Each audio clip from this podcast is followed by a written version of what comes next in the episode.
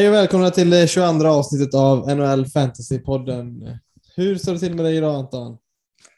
Men idag står det bra till, för det har varit väldigt härligt väder eh, den senaste tiden, vilket gör att man blir mycket gladare och eh, skönare. Och så har jag ju vunnit fantasy. Och det är ju det som påverkar ens humör allra mest, som ni kanske har förstått på våra avsnitt, att det är det som humöret bygger på. Så jag ställer väl samma fråga till dig. Hur är det med dig Felix? Det är svinbra. Jag har också vunnit fantasy i veckan här. Och vädret är ju riktigt gött. Jag har ju hunnit komma ut på golfbanan här eh, fyra gånger på två helger. Och det tackar man inte nej till. Det är väldigt härligt faktiskt. Men vad har vi att gå igenom i dagens avsnitt då? Vad står på menyn? Det har ju ändå hänt eh, rätt mycket senaste veckan får jag säga, så är fantasy-relaterat. Det är många nya kontrakt. Inga, inte de eh, absolut eh, största spelarna, men det är ändå en del fantasyspelare fantasy-spelare som har skrivit kontrakt och lite nyheter som kan påverka fantasy. Men vi hade ju eh, en riktigt bra spelare i Nick Schmaltz som denna veckan eh, levererat. Han hade ju en 50 och en 35 poängsmatch i fantasy och därmed eh, med sin 50 poängsmatch som han gjorde 2 plus 5 så slog han eh, rekord i Arizonas franchise, ah, den som gjort mest poäng i en och samma match. Så då säger jag väl grattis till han. För detta Chicago-spelaren. Och sen fortsätter med en 2 plus 2 och sen två resten av eh, de andra eh, matcherna de hade i veckan gjorde han en assist per eh, match. Det är en spelare som man inte riktigt, man ändå haft att titta på honom. Jag vet att vi har haft med honom någon gång i pickuplistan, men han har ju absolut inte levererat så här bra. Eller det är ju det är inte så konstigt, men han inte, man har inte trott att det skulle bli så här en vecka. Nej, han har ju varit intressant länge. Jag tycker han, har, han ser bra ut på isen. Han har ju fin eh, teknik, en väldigt skillad spelare. Så. Men när man tittar på hans ranking så ser det inte så trevligt ut. Han är ju 325 i våran liga. Och detta är ju efter den här kanonveckan. Så det, man ser ju att det har gått väldigt tungt fram tills nu för han rent fantasymässigt det är ju inte så konstigt när man spelar i NHLs absolut eh, sämsta lag heller. Men eh, samtidigt, det har ju bevisat sig för att det går att göra 50 poäng trots det. Ja, vi såg ju Chychrun förra året till exempel. Då var de ju lika dåliga i princip. Ja. Men jag tycker att han, men jag tycker ändå man kan se att eh, Schmaltz kan eh, han ska ju lika gärna fortsätta leverera så här. De har ju ändå rätt. Eh, han får ju spela med många minuter och snittar ju ett poäng per match nu på grund av de här eh, eh, poängen han gjort senaste och ligger trots allt att de spelar i Arizona på plus minus eh, 11, alltså plus 11. Så han är ändå, eh, börjar bli intressant nu om man kan fortsätta hålla sig lite het och göra point per game så är det absolut någon man kan plocka upp. Ja, och jag har börjat titta lite på Keller här. Han, eh, de spelar väl ihop. Precis. Eh, och där har ju, han har ju fått också ett litet uppsvung här nu under veckan. Gjorde ju 2 plus 2, 1 plus 2, gick plus 3 och plus 4. Men han ligger ju rank 84 så han har ju ändå varit hyfsat stabil under året i Arizona. Mm. Schmaltz har ju missat eh, 20 matcher, så det kan ju vara lite där hans ranking eh, faller. Ja, ja, det är ju ett stort minus på rankingen direkt. Så det får man väl ha lite överseende med då, när man ser en rank som är över 300. Man kan ju titta där på eh, eh, poäng per match i fantasy, alltså fantasypoäng per match som man ser så ligger ju Keller bara en fantasypoäng eh, över eh, Schmaltz i genomsnitt. Det visar ju ändå att de typ håller relativt samma nivå. Jag ser ju att eh, eh Keller har ju 24 utvisningsminuter medan eh, Schmoltz bara har fyra. Så där får ju ändå man lite extra fantasypoäng på eh, utvisningsminuterna. Ja, så det visar ju ändå att han har presterat bra när han har spelat Schmaltz. Den är ju tuff att ha. Det är ju tufft att ha ett långsiktigt, eh, att titta på honom långsiktigt eftersom man spelar i Arizona. Man kanske inte kommer ha honom hela året. Men när man kommer in i ett stim nu och ändå gjort eh, poäng fyra matcher i rad så kan man ändå vara lite intressant att ta upp medan det här ändå håller i sig. Ja, verkligen. Det kommer ju gå i perioder, så är det ju. Men eh, han är ju en bra spelare så att jag skulle inte förvåna att eh, om han kommer och gör flerpoängsmatcher igen här en vecka framöver. Nej, de har ändå Montreal, Pittsburgh och San Jose denna veckan. Där Montreal och San Jose inte är några topplag direkt. Pittsburgh är ändå med och tampas om eh, slutspelsplats och kan vara en dark horse till Stanley Cup. Men eh, Montreal och San Jose har ju i stort sett alla chanser att vinna. Speciellt nu när de har kommit in i ett eh, stim. Sen har vi ju Bäckström också som eh, har nått 1000 poäng i NHL på 1037 matcher. Eh, vi får säga grattis till han va? Det får vi göra. Och han är en av sex svenskar som har nått den eh, milstolpen. Det är Mats Sedin, Sedinarna, Lidström och Alfredsson. Vad känner du kring Beckis milstolpe? 1000 poäng. Det är stort. Säga grattis också. Frågan är ju om han kan nå upp till Sundins eh, 1349 poäng. Han har ju sitt, ligger ju drygt strax under point per game. Men eh, så det är då, ska han lägga den här takten behöver han ju spela 400 matcher till. Och det ser vi väl inte helt eh, omöjligt att han håller i sig. Och eh, ändå kan eh, leverera relativt eh, bra tanke på att eh, vi ser ändå att Ovechkin jagar det här rekordet. Det kan, hjälpa han ju absolut. Så vad tror du? Ja, eh, jag tror att hans produktion kommer att minska lite. Han kommer nog hålla rätt bra för att han har ändå spelsinnet som, eh, och passningsspelet som sin främsta egenskap. Men eh, det tror, jag tror det blir lite för tufft. Och jag tror det finns risk att han känner sig lite nöjd nu och lite gött att han har klarat tusen poäng. Han är ändå 34 bast och han, han har kontrakt i tre säsonger till, till säsongen 24-25. Och ja, om man skulle hålla i det resten av kontraktet räcker det ju inte utan då han måste ju fortsätta spela. Och då börjar han ju närma sig 40. Ja, nej jag ser verkligen inte Beckis som en spelare som kommer fortsätta upp mot 40. Jag tror det är färdigt när detta kontraktet är slut. Om inte ett år tidigare kanske till och med. Han känns inte som en så hungrig spelare. Mm. Nej, vi, det...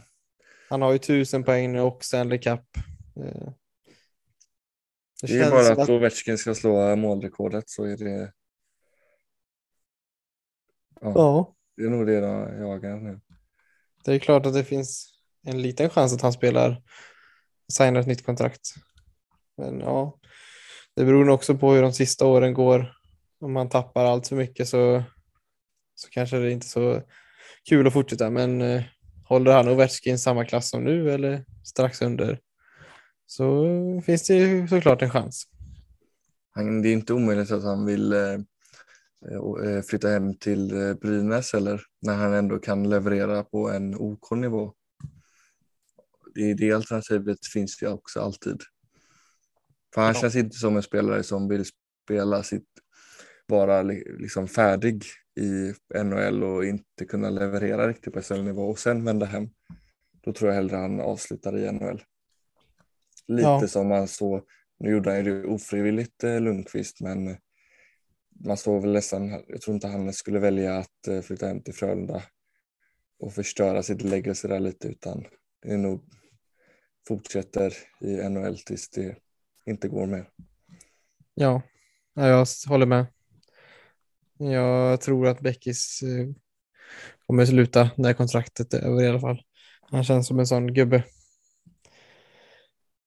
Men ja, vi får säga grattis åter igen. Men sen hade vi ju ett par nya kontraktskrivningar som vi nämnde innan. Ska vi ta och gå igenom dem nu kanske? Det tycker jag absolut vi kan göra. Vi börjar med att eh, Ristolainen signar ett 5 gånger 5,1 eh, kontrakt med eh, Philadelphia. Vilket jag tycker är ett eh, bra kontrakt. Vad tycker du? Ja, eh, det är ett svinbra kontrakt av klubben tycker jag. Eh, han får inte betalt som en toppback och det har han inte visat att han är. Men det finns ändå potential. Han var ju ändå draftad tidigt och gjorde ett bra JVM och draftad åtta om jag inte minns fel. Så det finns ju potential att han liksom tar en första backpar, topp två back och kan spela powerplay och då är ju ett kontrakt runt 5 miljoner väldigt bra och med fem år i term också.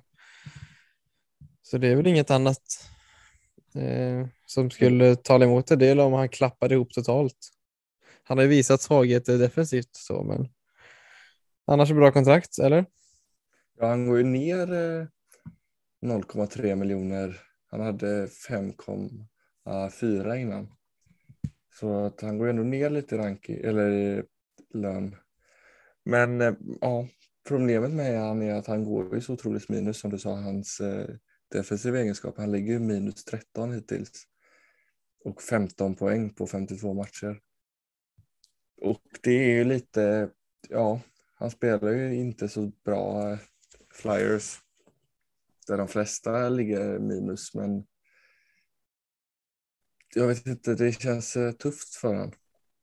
Ja, jag tycker han har ju ändå tuff konkurrens nu om, eh, om de offensiva minuterna, så det kan ju vara att poängproduktionen har minskat lite.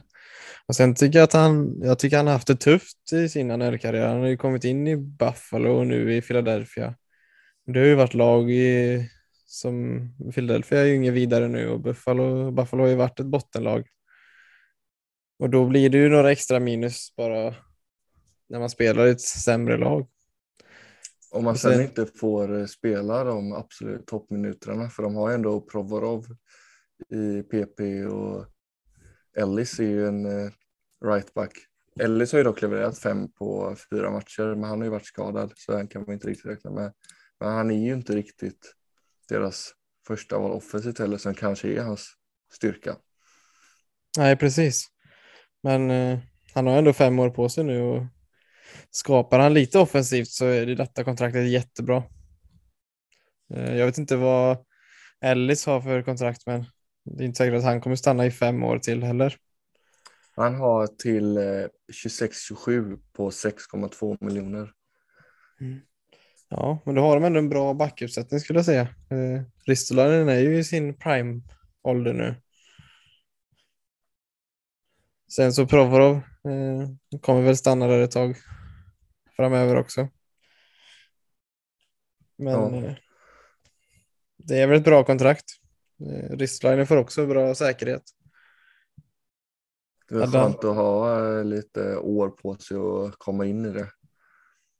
Ja, precis. Det är inte alltid jättelätt att byta lag. Liksom. Det är inte alltid säkert att du kommer igång första året utan det kan ju ta två. Mm. Nu har jag inte riktigt koll på hur gammal Ristline är än, men han har ju ändå möjlighet att skriva ett dyrare kontrakt efter detta. Om han, eh, om han gör det bra nu.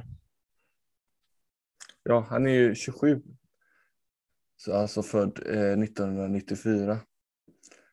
Mm. Så att efter, ja, han har ändå ett kontrakt till på sig lite. Ja, han kommer ändå kunna signa kanske något kort dyrt kontrakt om han presterar nu. Ja, det får vi helt enkelt eh, se det är, han har ändå, men som sagt, han har ändå tiden på sig. Han är inte gammal än utan han kommer in som back. Du kommer ändå in i din prime lite senare. Och han har ändå en, han har en stor kropp men han, det är inte så att han att hacklas spelat mycket utan han är ju väldigt eh, men offensivt lagd. Vilket ändå kan göra att man håller längre. Mm. Ja, det är intressant det där med back-primen. Den är ju lite senare så han skulle ju kunna sticka den här och få bra produktion och ändå vara stabil bakåt samtidigt. Ja. Trots åren liksom. Vi går väl in på nästa kontrakt. En är väldigt, eh, lite, ska man säga, förvånansvärt bra fantasyspelare detta året. Pavelski som skriver eh, ett år 5,5 med Stars. Och han är ju rankad 34 detta året, vilket jag tycker är, det var inte alls där man hade han eh, innan säsongen. Men eh, han har ju verkligen eh, levererat i ett inte så jätte annars bra Stars. Ja, han är, var ju svinbra förra året fantasy och han är ju det i år igen. Det är ju några gubbar som, som inte levererar år efter år de senaste åren här. Det är ju Sagin och Ben som ändå har varit bra som man har haft högt. Men eh, det är ju hans line med Hintz och Robertson och Pavelski då som, eh, som gör det. Robertson hade ju också en bra säsong förra året och även haft i år. Och Hintz eh, har väl gått eh, ganska bra senaste. Han är lite streaky bara. Mm. Men han Men- klarar ändå att ligga strax under eh, point per game. Ja. Så ja, ettårskontrakt är ju svinbra för att hålla, hålla kvar han. Mm. Annars hade han ju kunnat vara ett bra tradebyte att locka med Sant. inför slutspelet. Men eh, nu visar de att han, jag tror han har en bra roll i eh, Stars. Ja, de visar väl att de vill satsa på laget också och gå för det. De är ju ingen toppdog riktigt, men de är inte heller i, i rebuild-läge. Så det är ju bara att gå som gäller egentligen. Ja, de har, är ju inte jätte... Ben är ju liksom, han är ju bara 32. Seggen 30. Ja, Pavelski är ju 37 nu, men de har ju inte ett eh, jättegammalt lag utan de skulle ju, alltså. Det är ju någonting som saknas, men de är inte jättelångt ifrån. De var ju ändå Stanley Cup-final för häromåret. Ja, men jag tror också de är ganska, det känns som ett slutspelslag, lite som St. Louis. Mm. Rätt tunga och rutinerade, men ändå inte jättegamla. Men de har ju också väldigt defensivt spelsystem och det, det känns som det kan ha påverkat lite så produktionen på Ben och Sagin framför allt som är en offensiv målskytt. Mm. Det är ju rätt tråkiga matcher, det är ofta lite mål och så. Det påverkar ju spelarna. Ja, men jag tänker, de får ändå in en som eh, Robertson. En ung, eh, bra spelare. Så de, så de har ändå fått igång sina lite yngre talanger också. Hintz är inte heller jättegammal. Han är ju ändå eh, bara 25.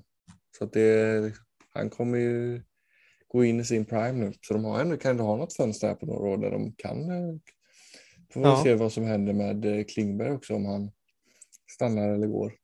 Precis. För Eh, att, eh, jag tycker ändå de har bra struktur också. De har ändå bottom sex gubbar som kan gnugga och, och så har de även Guriano som också är ung och upcoming. Mm. Och ändå intressanta backar.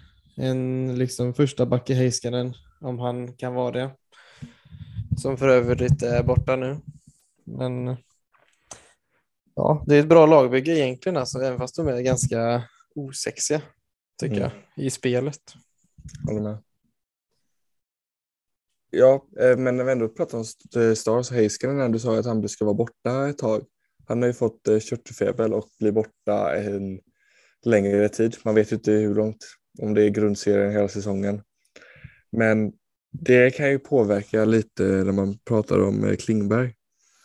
Det är ju inte säkert att han blir eh, tradad på grund av det. Och enligt Sportsnet så har de rapporterat att det troligtvis inte blir en trade på grund av det här med Heiskanen och att de ändå visar ändå lite att de kommer gå för det när eh, de behåller honom som toppback. Det är lite tråkigt för oss fantasyspelare. Jag hade gärna sett eh, Klingberg i ett eh, bättre lag i slutruschen här.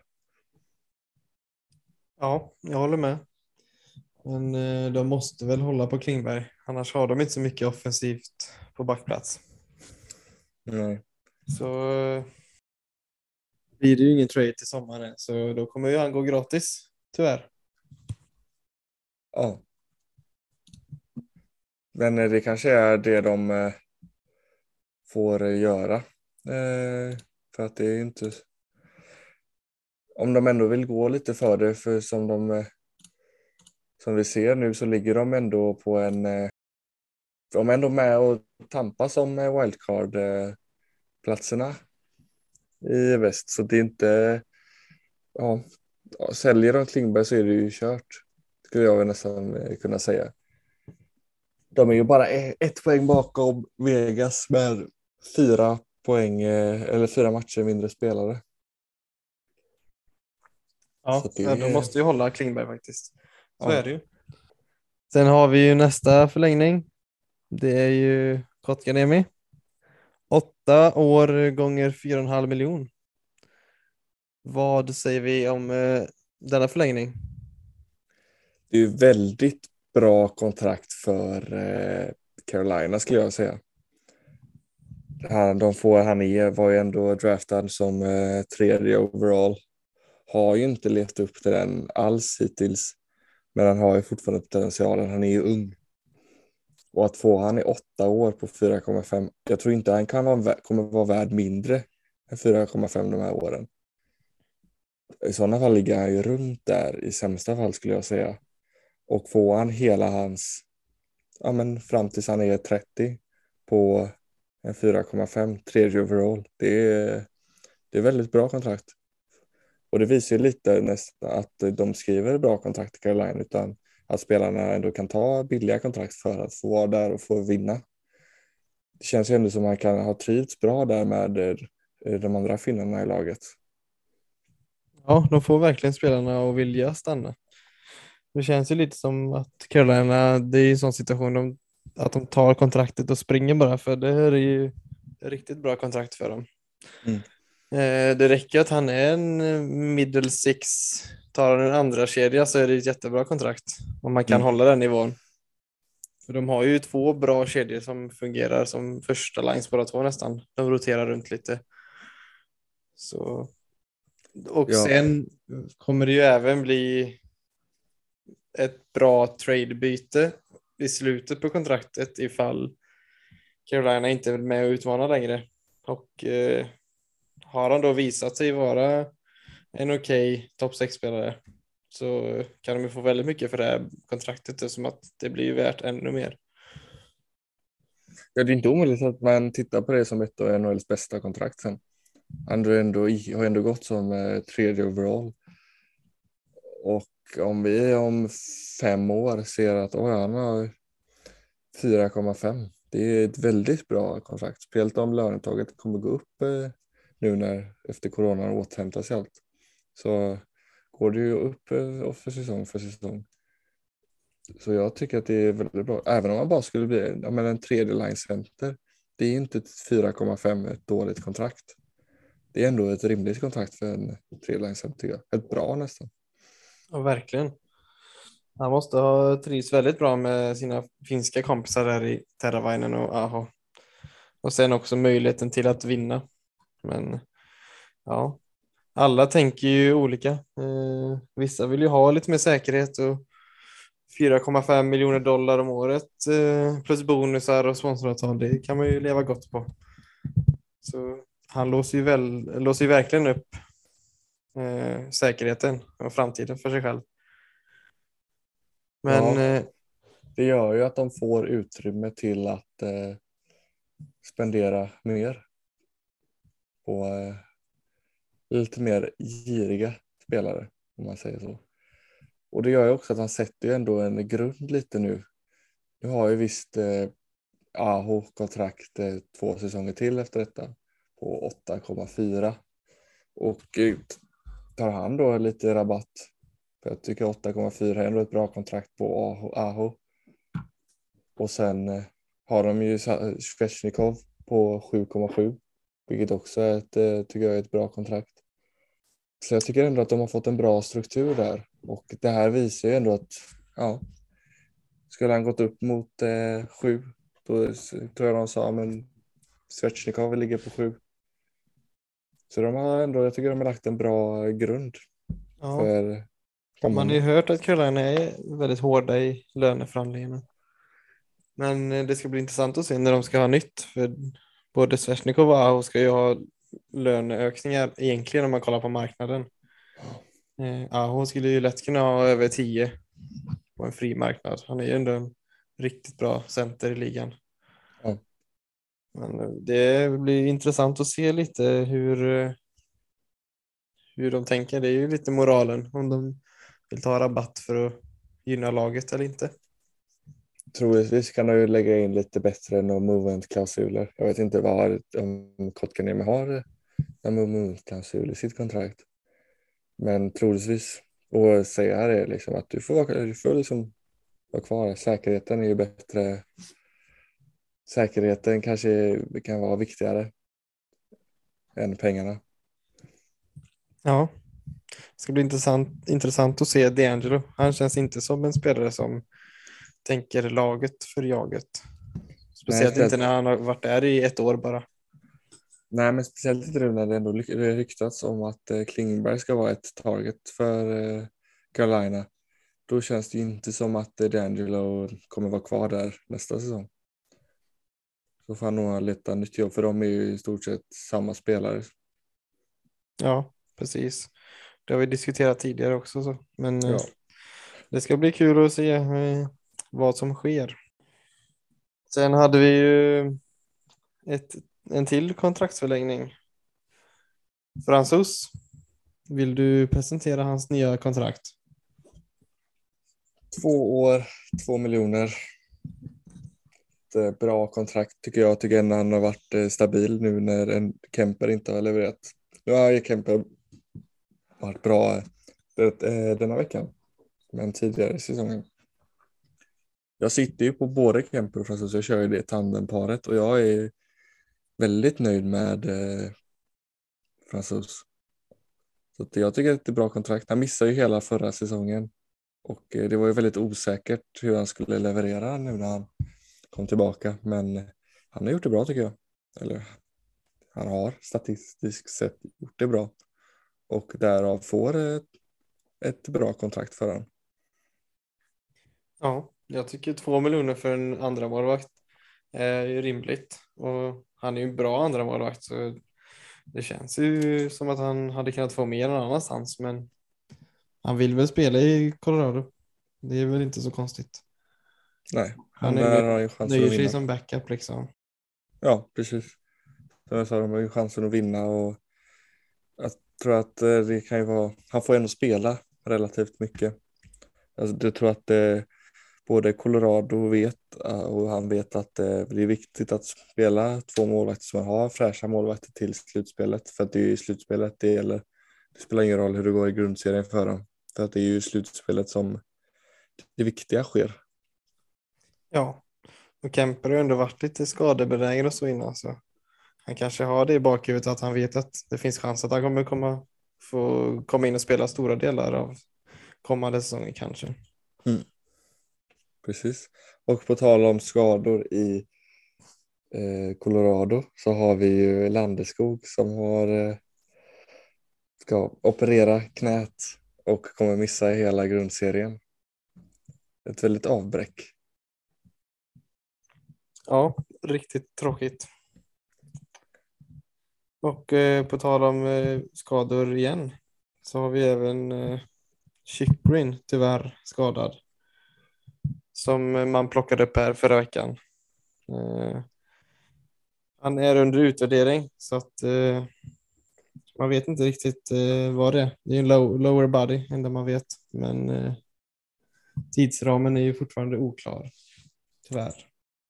Ja, eh, Felix, hur går det i våran eh, matchup här med pickup-val? Jag går in på, är det fjärde raka nu? Tredje raka? Hur många veckor har vi kört det? Ja, jag ser bara eh, Raquel här som eh, gick minus två, minus ett och sen så sköt han ett skott och tre tacklingar. Det var det jag fick i veckan här av min pickup-gubbe. Eh, fick ändå två assist av Kirby Duck. Så att, eh, ja. Mm. Ja, till mitt försvar så är inte veckobaserade pickups något jag brukar jobba med som strategi. Men det är ju uppenbart eh, så att jag behöver träna på den här formen av strategi. Om vi ska gå in på denna veckan då. Nästa veckas eh, veckoutmaning här. Vad är eh, ditt val? Eh, jag kommer gå med eh, Craig Smith ifrån eh, Boston. Right wing 10% rostered. Gjorde två mål senaste matchen och har levererat senaste veckan. Så jag tror att hans stim håller i sig här. De har ändå rätt relativt lätta matcher.